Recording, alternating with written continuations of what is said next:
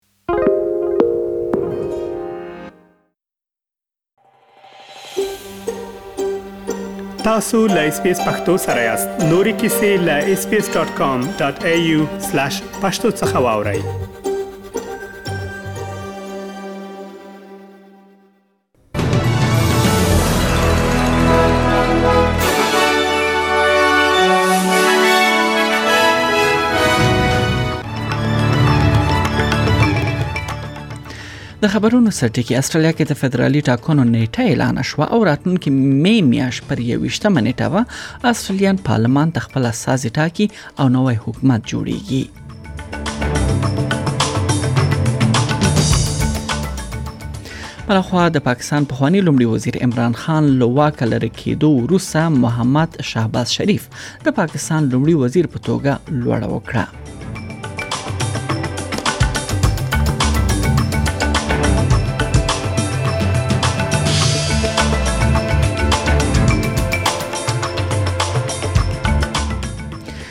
بل خو ویل کېږي چې فدرالي بودیجې اعلان وروسته کله چې د تیلو قیمتونو کې کمښت راوړل شو نو لاغي وروسته د مصرف کونکو باور اوس ډیر شوی دی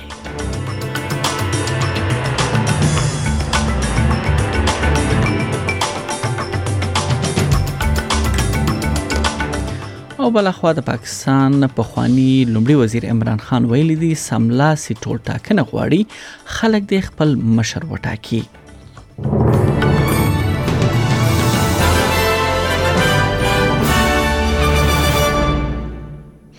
دا هم بشپړ خبرونه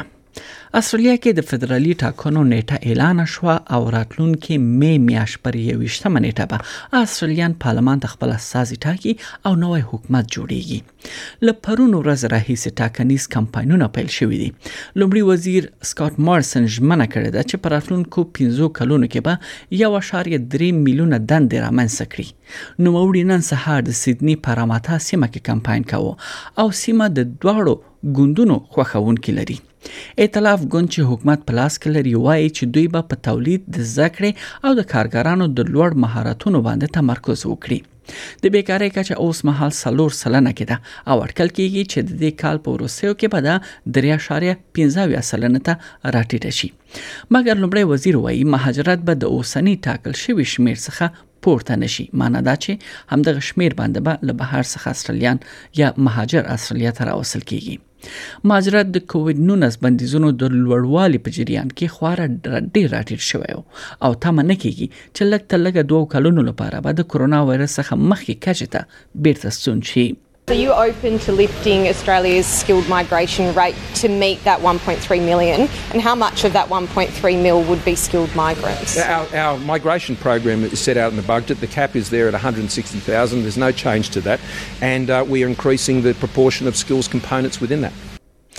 بله خوا بیا په ورته وخت کې د لیبر ګوند مشر د سیمه ییزو او کلیوالي استرالیا خلکو لپاره د 100 میلیونو ډالرو رواني روغتیا پلان ژمنه کړې ده تر څو د ټلیفون لاره د روغتیا رواني مشورې ارزانه کړي د کووید 19 یعنی بندیزونو په جریان کې د ټلیفون روغتیاي درملنې لپاره 50 سلنه د حکومت دغه یعنی 50 سلنه دغه پیسې د حکومت لخوا تمویل کیده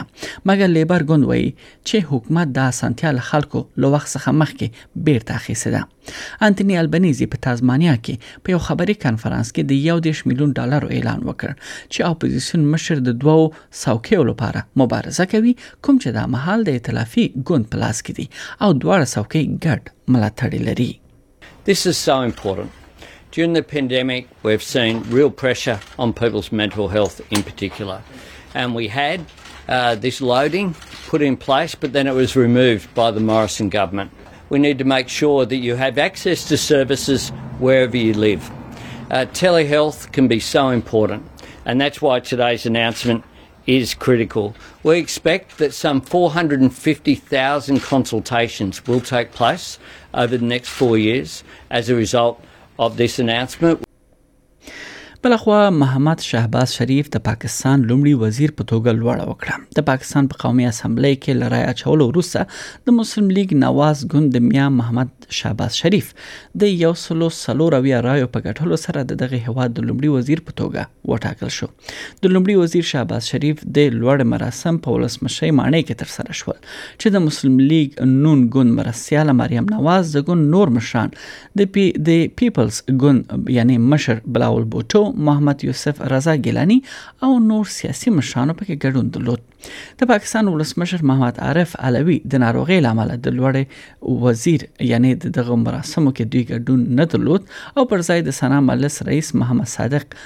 سنجرانی لوړ مراسم دی تر سره کړ بل خو بیا د پاکستان په خوانی لمړی وزیر عمران خان له بې واک کېدو دوه ورځې وروسته په هیواد کې د سملاسي ټول ټاکنو غوښتنه کړې ده او دا له روان سیاسي بحران د وټلو لپاره یوازنی لار بلله ده هغلی خان دوه ورځې وروسته له هغه بیواکه شو چې اپوزیسیون ګوندونه یې په قومي اسمبلی کې پر ضد د نه باور رای ورکړه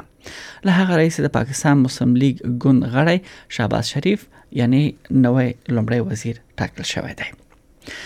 رابه شو استرالیا ته په فدرالي بودیجې کې اعلان وروسته کله چې د تیلو قیمتونو کې کمښت راوړل شو نو له هغه وروسته د مصرف کونکو باور ډیر شوی دی او دوی مارکیټونو ته راوتی دي او دوی اوس مصرف کوي په تیر اونۍ کې په ملي کچه د پټرولو بیه په یو لیتر کې 19.1 سنت ټیټواله راغله دی چې دا مهال په ټول استرالیا کې اوسط یو سل سلوروي اشاریه درې سنت یعنی د تیلو قیمت ټاکل شوی دی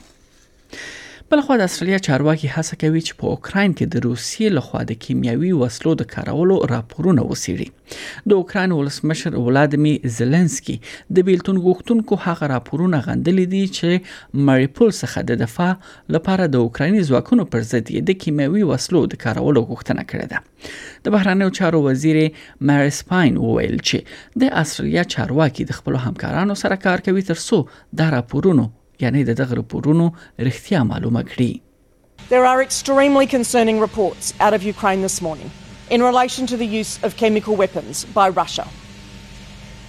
If they are confirmed, that will be a further wholesale breach of international law, a further indication of President Putin and Russia's absolute violation of every single value and every single rules based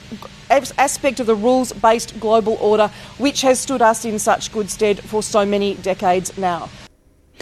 ولسمشر زلنسکي په لویدیز غږ کوي چې د کرملین پر وړاندې نور بندیزونه ولګوي او نور وسلو اکمالات یعنی دوی باید اوکراین ته ورسوي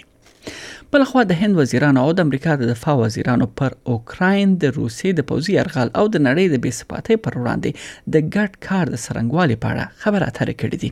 د امریکا ولسمشر جو بایډن له هند غوښتي دي چې د روسیې د تیلو د پیرولو بهیر چټک نه کړي خو د هند ولسمشر نریندرا مودي تر اوسه په دې اړه کومه عامه ژمنه نه ده کړې د هند د بهرانیو چارو وزیر ډاکټر سوبرامنیم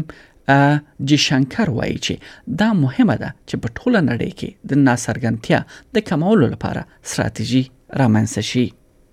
Strategic partnerships like those between India and the United States are built through shared interests, common values, and constant nurturing.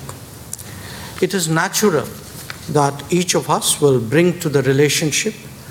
our particular perspectives experiences and priorities. وروستی خبر دا ده چې ویکټوریا د 2026 م مشترک المنافع لوبو کوربه توب لپاره خپل داوطلبي ګټلې ده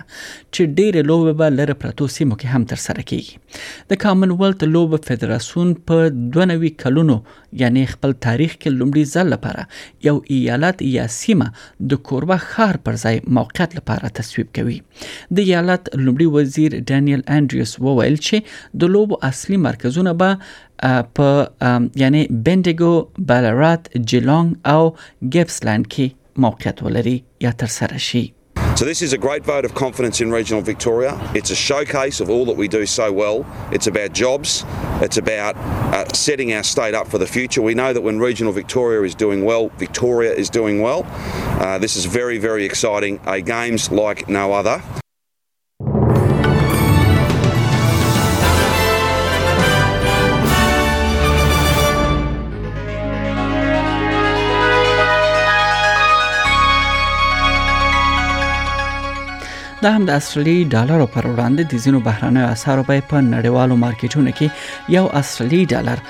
صفر اشاریه څلور اویا امریکایي سنټه صفر اشاریه اته شپېته ایرو سنټه یو استرالیي ډالر پنځه شپېته اشاریه اویا افغانۍ روپۍ